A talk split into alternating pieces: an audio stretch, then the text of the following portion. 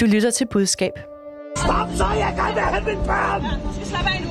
Stop for helvede! Film det her lort! Stop så!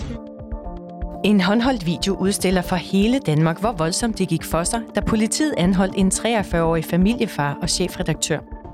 Han har siden fortalt om sin oplevelse i en række medier. Københavns politi derimod siger tæt på ingenting.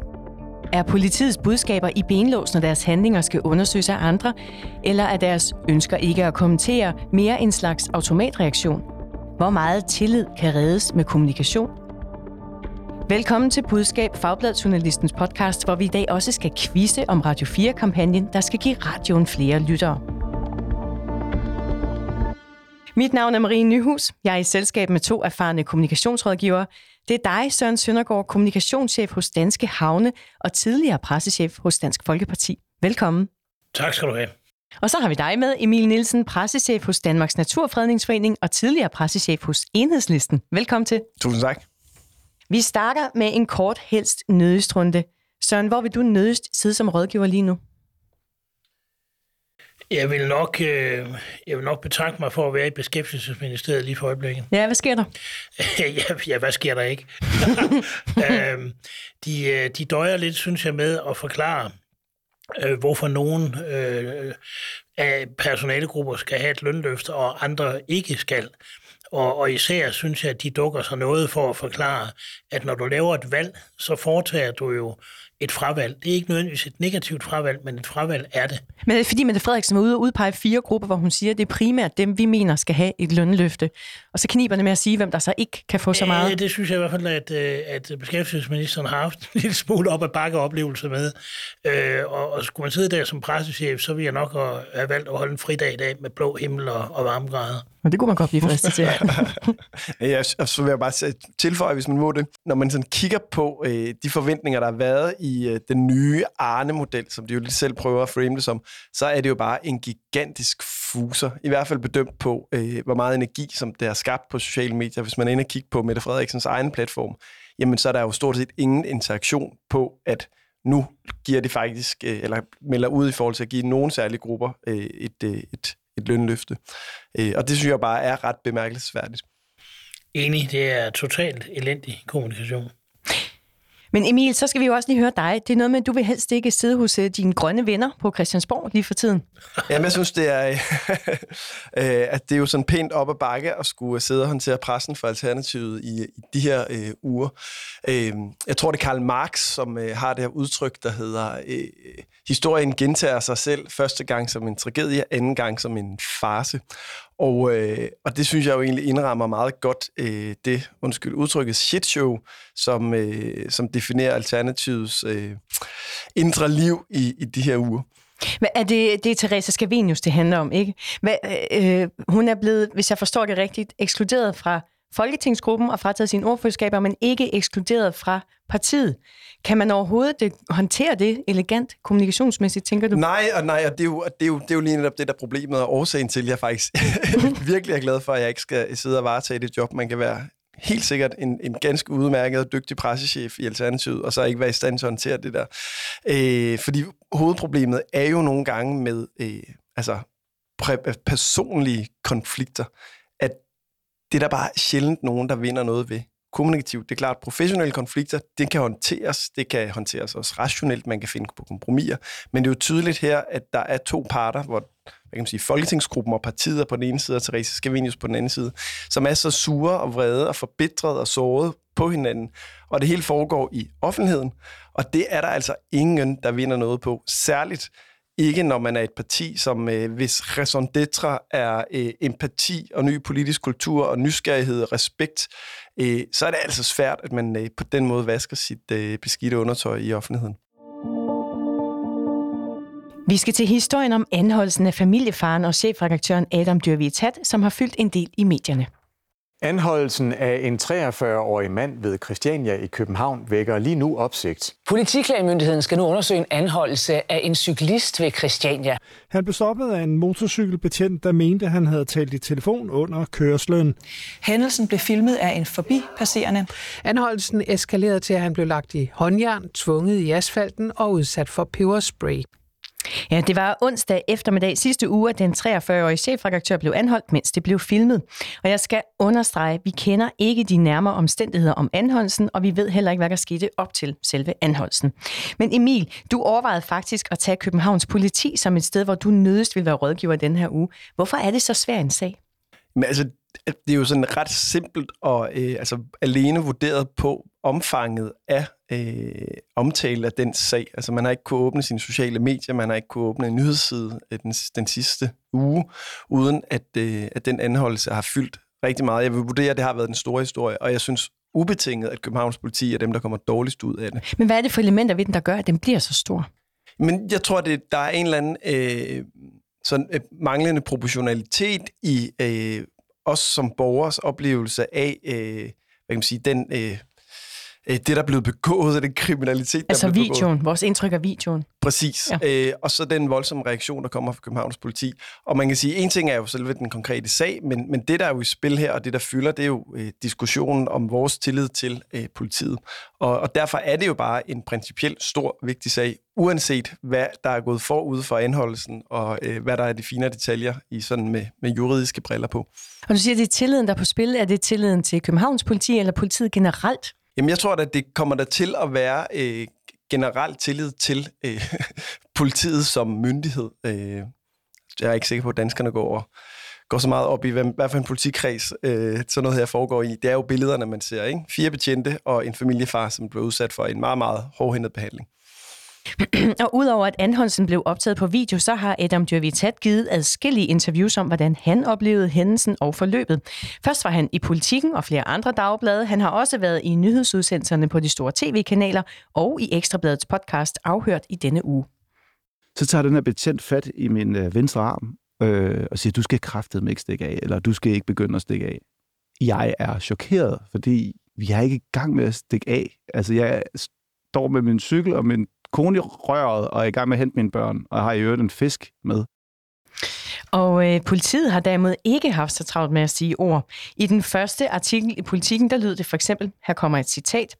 Københavns politi oplyser, at den skærpede politiindsats i visitationszonerne ikke medfører ekstra beføjelser i forhold til magtanvendelse. Politiet har sendt sagen til vurdering hos DUB, og her parentes bemærket, det er den uafhængige politiklagemyndighed, og vil derfor ikke kommentere den konkrete hændelse. Andre medier har citeret Københavns politi for noget lignende. Københavns politi skriver til os, at de ikke kommenterer den konkrete hændelse. Københavns politi ønsker ikke at kommentere sagen. Politiet har overdraget sagen til DUP, som undersøger sager om politiets magtanvendelse, og har ikke yderligere kommentar, før sagen er undersøgt.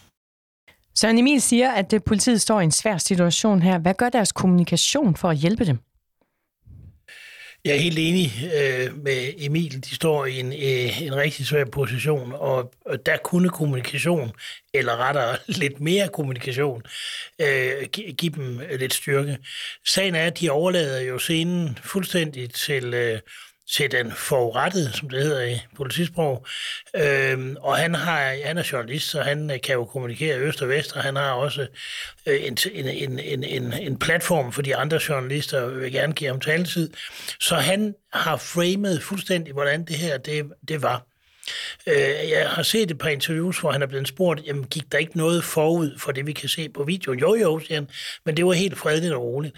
Jamen, det må man jo lægge til grund, når han siger det. Men jeg har det bare sådan, at jeg har en grundlæggende tro på, at politiet bruger den magtanvendelse, de i situationen synes er rigtig. Så kan det jo gode gange gå, gå galt, og det kan godt være, at det er gjort det her, det vil vise sig. Men jeg har svært ved at tro på, at der ikke var foregået noget, som havde provokeret de her betjente andet end bare Øh, lidt, lidt, lidt sproglige skamysler. Så jeg er spændt på, hvad det hele ender med, men politiet var der jo. Og det der med bare at parkere den og sige, nu skal du, det skal de undersøge, for indtil da kan vi ikke sige noget. De kunne da i hvert fald sige, hvad de oplevede, der skete, for de var der. Og de ved jo godt, de jo øh, gavede folk, øh, i politiet, at, at når, når der er nogen, der får rettet, så øh, skal de nok sørge for at give deres udlægning. Så jeg synes, der mangler en balance her. Øh, det, som du også har, har kaldt en asymmetri.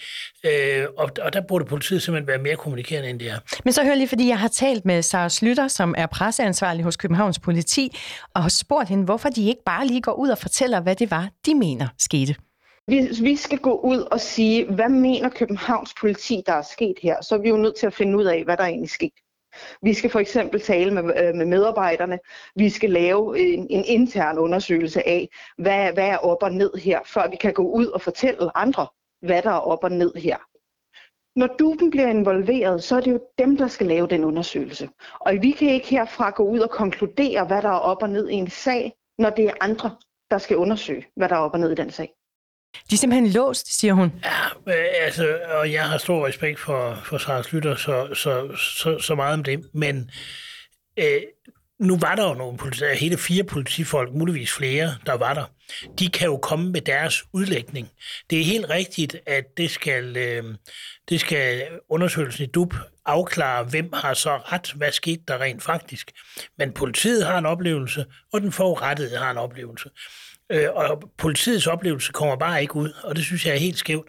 Og det der med, at man bliver nødt til at vente til det undersøgt, hvorfor det? Man har jo en oplevelse. Der er jo en grund til, at de fælder håndjern frem. Der er en grund til, at de øh, bruger peberspray.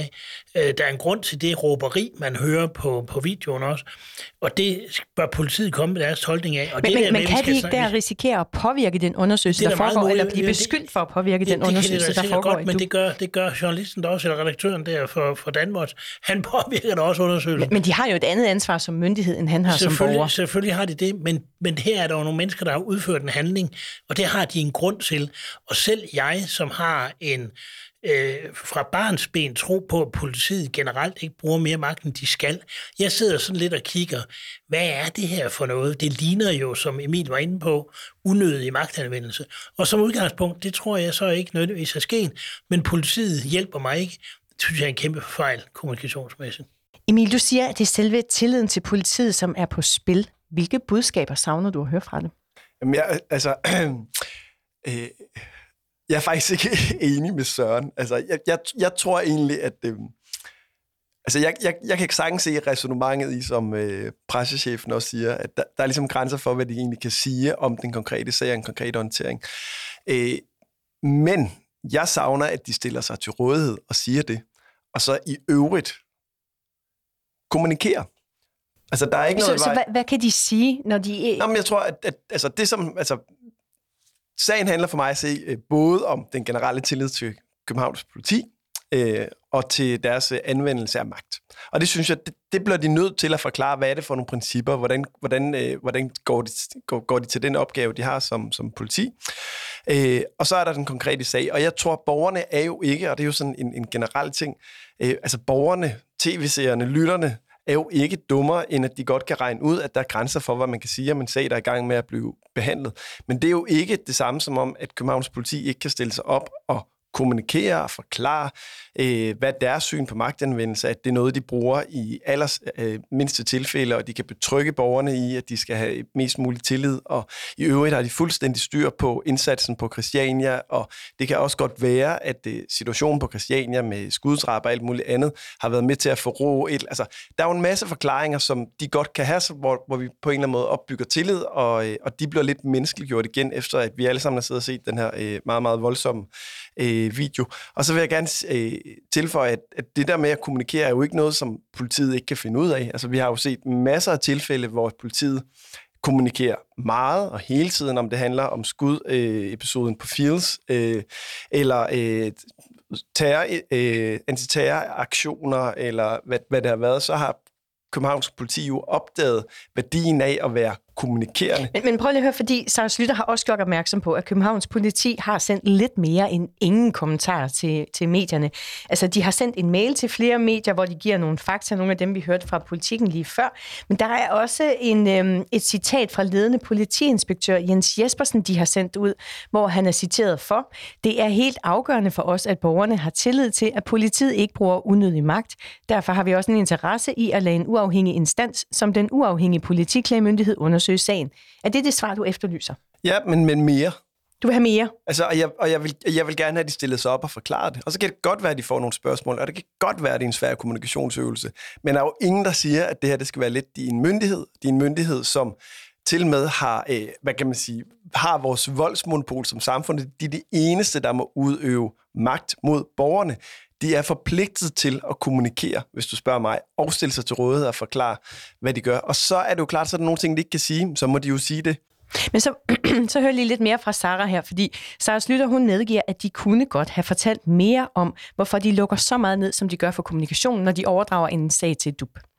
Vi sætter ikke særlig mange ord på, hvorfor det er, vi ikke kan sige noget, når den bliver sendt over til duppen. Og der er, kigger vi jo også ind af lige nu, øh, og kigger på hinanden og siger, der kunne vi godt have været bedre til at sætte flere ord på. Jeg spurgte også Sara Slytter, om de derudover øh, også kunne have delt nogle flere budskaber, lidt som du efterlyser, Emil. For eksempel, om de kunne have medgivet, at det ser voldsomt ud, det der foregår på videoen. I bagklodskabens lys, ja, vi kunne sagtens have haft mere empati med inden i det svar.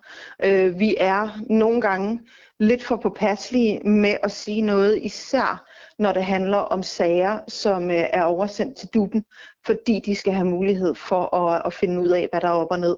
Og det tror jeg også er, er noget, vi har hvad man sige, taget ved lære af, af den her situation, at hvis vi øh, en anden gang står i noget lignende, øh, så tror jeg helt sikkert, at vi vil være meget, meget mere, øh, hvad man sige, være mindre formelle og, og have nogle flere ord på. Det lyder jo øh, helt kanon, at de så har lært af det her, fordi jeg mener helt øh, det samme, som da jeg startede. De har simpelthen underkommunikeret, og det der citat, du læste op, det, vinder jo ikke nogen priser. Øh, det er lidt lige meget i virkeligheden. Og det er nok også derfor, flere redaktioner bare har... Det er jo ikke blevet taget med hver gang, nej. Og sådan går det jo nogle gange, når man sender skriftlige svar til, ja, til medier. Og, og specielt, man ved jo godt, øh, når, man, når man laver citater, og når man sidder som journalist, hvad fænger og hvad fænger ikke, og man ved godt, det der, det er sådan et, så har vi lavet et citat-agtigt. Så man har passet sit arbejde, men man har ikke sørget for, at det kommer ud. Man har, man, jeg synes, man har forsømt her, og det er glædeligt at høre, at det vil man så ikke gentage næste gang, og komme med sin version. Og så kan man, som Emil er inde på, begrænse den i forhold til, hvor meget man kan fortælle. Men det der med bare at stå og tage imod slag fra folk, der råber op og forbipasserende og videoer, og jeg ved ikke hvad, så det vækker mindelser om en eller anden øh, racistisk anholdelse i USA, øh, det er helt skævt. Og, og, og som Emil jo faktisk også sagde, det er tilliden, der er på spil. Og den her tillid, det, det er altså en, en, en meget, meget hård valuta der er et, i, nu skal det ikke blive for højdragende, men der er i de her år øh, tillidsbrud til alt fra skat til politikere og til politi og til myndigheder det hele taget. Vi skal passe på, at vi ikke sætter det over styr. Og her kan kommunikation altså hjælpe helt grundlæggende til, at man får fremstillet så meget af den side af sagen, man, man, man selv ser, som man på nogen måde kan. Og det har de, uanset alle mulige søforklaringer, forsømt i den her sag. Der er spillepladen fuldstændig overladt til, til en journalist, og det er helt skævt. Du, du nikker. Men, men er, du, er, du også, er du lige så betrykket nu, efter du har hørt, hvad, hvad Sara Slytter hun har, så refleksioner? Ja, altså i forhold til deres håndtering af kommunikation, øh, der synes jeg jo, at det, er, det må hun jo, skal hun jo have ros for, at øh, dels at stille sig op og forklare sig her, øh, og, øh, og så synes jeg jo, at det er det rigtige, hvad kan man sige, det rigtige resonemang, hun kommer frem til.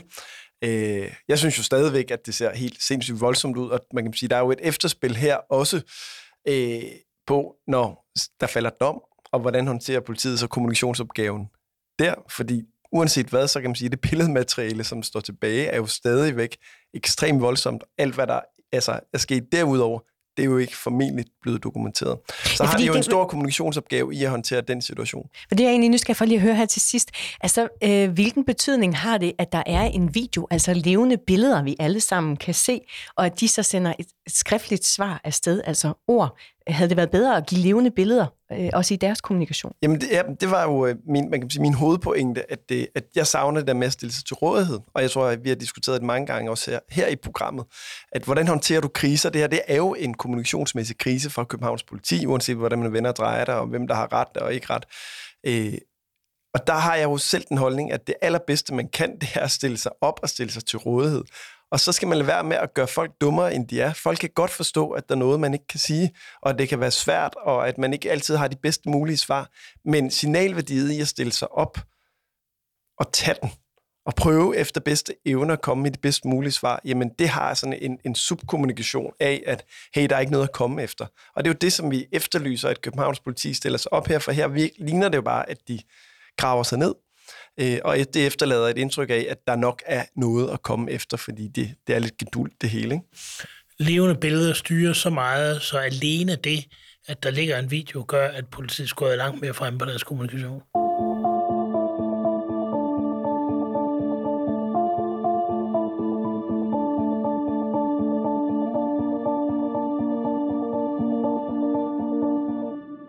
Du lytter til Budskab, Fagblad Journalistens podcast om kommunikation. Husk, du kan altid skrive, hvis du har et spørgsmål eller måske et dilemma til eksperterne. Skriv til budskab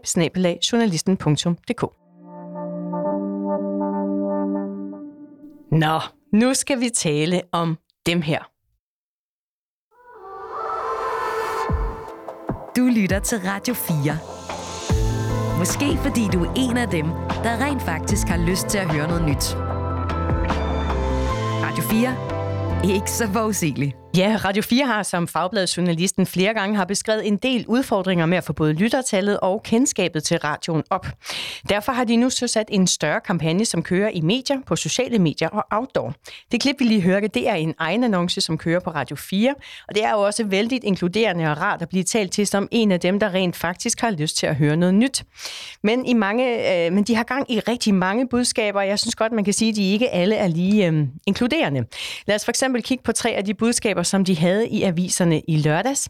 I Weekendavisen havde de en annonce med teksten, Lyttere søges. For eksempel Weekendavisen lytter, som vil høre, om andre socialklasser har noget at byde ind med. Og i politikken lød det, Lyttere søges. For eksempel politikken læsere, som vil lytte til andre, i stedet for bare at læse om vigtigheden af at gøre det. Og i Berlinske lød det, Lyttere søges. For eksempel berlinske læsere, som selv kan finde på noget groft at sige. Emil, hvad tænker du om kampagnens budskaber? Jeg forstår den ikke. Du forstår dem ikke? Hvordan det? Øhm, altså, altså, det er jo svært at forklare, fordi jeg ikke forstår det. altså, jeg vil sige, jeg har, jeg har det jo nogle gange øh, sådan, at når jeg støder på øh, noget meget sådan, øh, noget kommunikation, eller noget tekst, som øh, er meget sofistikeret, øh, så efterlader det mig med sådan en, øh, altså, og det kan være udtryk for manglende selvtillid, men med sådan en følelse af, at jeg måske er lidt dum. Altså, fordi der, der sker et eller andet her, og jeg forstår det ikke. Ergo, så det er mig, der ikke forstår det. Ikke? Og her skal vi måske sige, at Emil er akademikeren her i, øh, i panelet i dag. Ja, lige præcis. Så, ja. Øh, mm. så jeg har faktisk papir på, at jeg forstår et eller andet, men, men jeg forstår, altså nu har jeg læst jeg forstår det virkelig Og jeg tænker, at det æder med med et problem, hvis man leverer, altså prøver at lave kommunikation, og den følelse, du efterlader øh, også modtagerne ja. med, det er sådan lidt, ah, måske det er os, der er noget galt med. Ja. Altså i hvert fald ikke noget, der får mig lyst til at tænde for radioen. Så du klukkede her, og du klukkede faktisk også første gang, jeg læste budskaberne op for dig i telefonen. Hvad er det, du godt kan lide?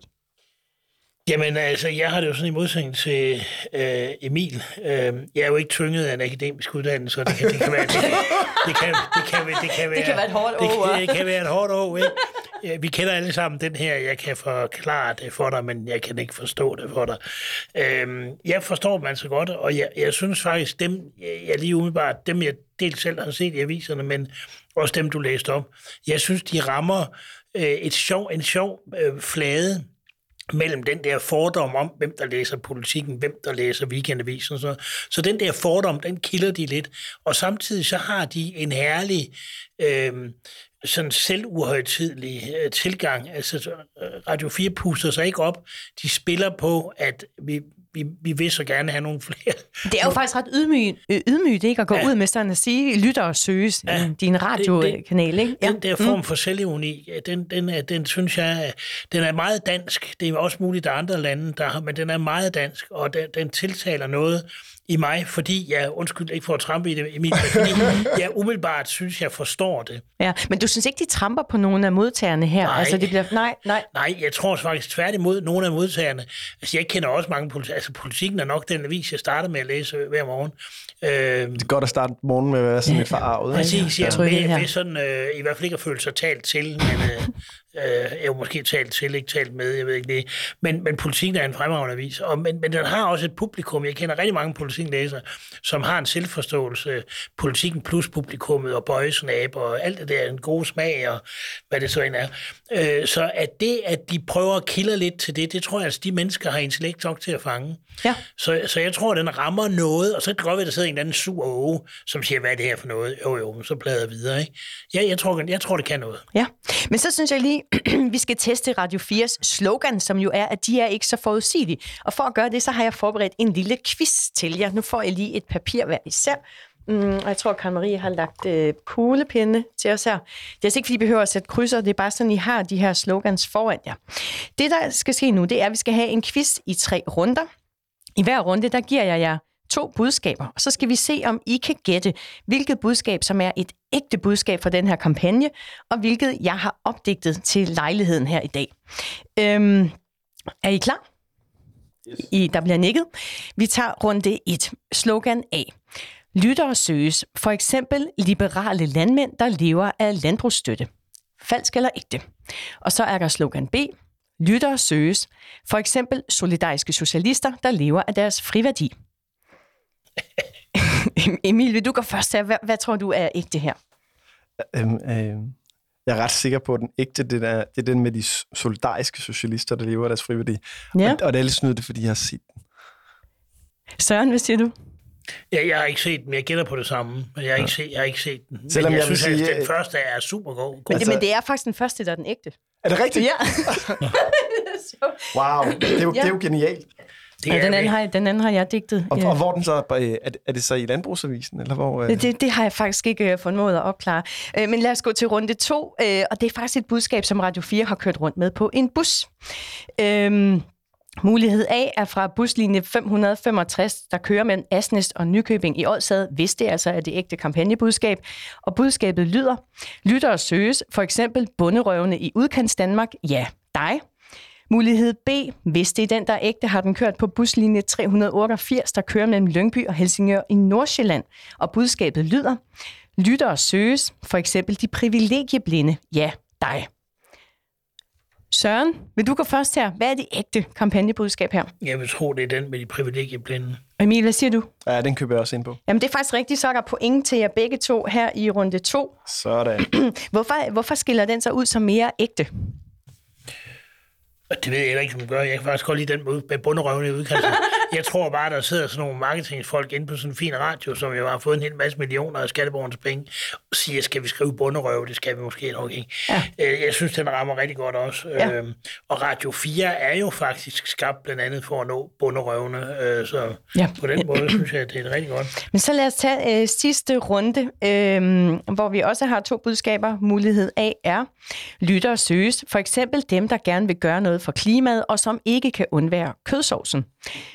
Budskab B lyder, lytter og søges. For eksempel dem, der klager over offentligt forbrug, og som arbejder for jyske dollars. Emil, du må gå først her. Hvad er det jyske dollars? Er det, er det sort? Det, det er sorte penge. Det er sorte penge? Ja. Okay.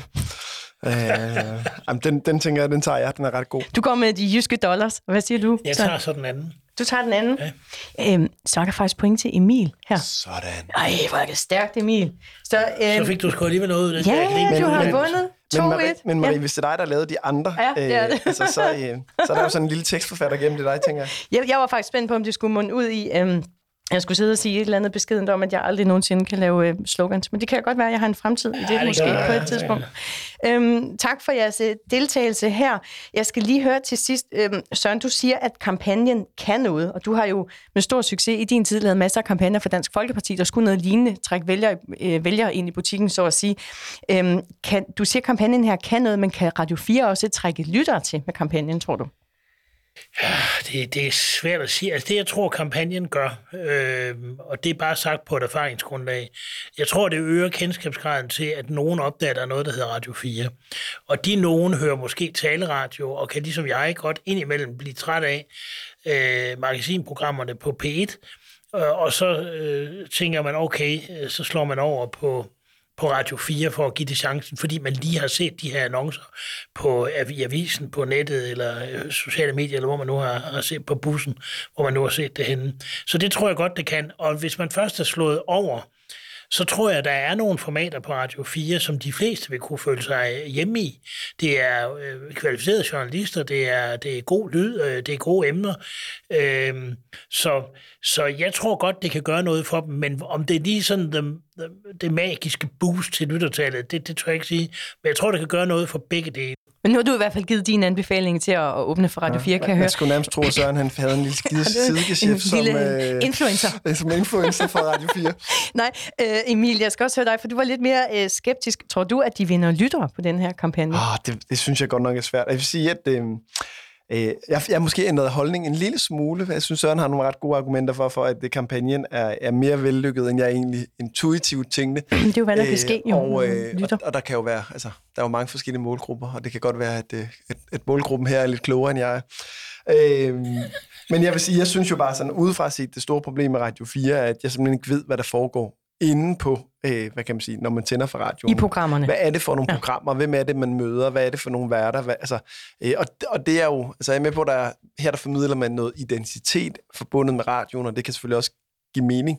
Men, men jeg savner godt nok at vide, hvad er det, jeg egentlig får ud af at tænde for, øh, for radioen? For den er, jo, altså, den er jo på sin egen frekvens. Så der er en høj barriere, tror du, fra kendskab, og så til, at man faktisk åbner radioen? Jamen, den der, altså, man kan man sige, øh, den gamle 24-7 havde den korte radiovis, der gjorde, at vi var mange, der uh, syntes, at det var et eller andet, det var lidt sjovt, og det gjorde, at man på en eller anden måde kom, kom ind i, uh, i det univers, eller blev hængende, efter at man hørte Kirsten Birgit uh, have det grinerne, eller have det sjovt. Og der mangler jo virkelig meget noget signaturprogram på Radio 4, mm. som på en eller anden måde er interessant, og, og, og som også har, altså bærer noget identitet i radioen. Og det synes jeg jo, i, altså, og det er jo sådan et velmenende kommunikationsråd, jeg synes jo måske, det var der, at de, de skulle bruge deres energi frem for at gå ud og betale mange, mange, mange, mange millioner til et uh, smart reklamebureau og nogle mediebureauer. At det indholdet, der på en eller anden måde er lidt problem. Men, men jeg lytter det jo heller ikke, og det kan jeg jo, ved jeg jo, at I begge to gør lidt. Må, må så er jeg afsløret. Må jeg ikke bare komme med den lille krølle, for du har helt ret, de har jo brugt nogle penge på det her. Øh, de skulle altså enten tjekke din retning, øh, Marie, fordi den der med lytter og søges, for eksempel dem, der gerne vil gøre noget for klimaet, og som ikke kan undvære kødsovsen, den rammer så meget spot on, jeg ved, at en af de meget, meget store danske supermarkedskæder, der ligger salg af hakket oksekød øh, på top 3 øh, meget jævnligt. Det er nemlig sådan, at danskerne gerne vil gøre noget i klima, men vi vil også gerne rejse til Thailand på ferie med flyver, vi vil også gerne streame, og vi vil også gerne spise kødsov. Så den rammer så mange mennesker, så det gør helt ondt. Det er godt, det er godt arbejde, Marie. Tak skal I have til mit, mit lille bitte kampagneværksted. Og jeg kan lige sige om kampagnen, at den løber over efter Øh, den løber hen over efteråret, og den er udarbejdet i samarbejde med Byrådet og K. Og Radio 4 vil ikke fortælle os, hvor mange penge de bruger på det. Søren Søndergaard, Emil Nielsen, tak for at være med i Budskab i dag. Selv tak.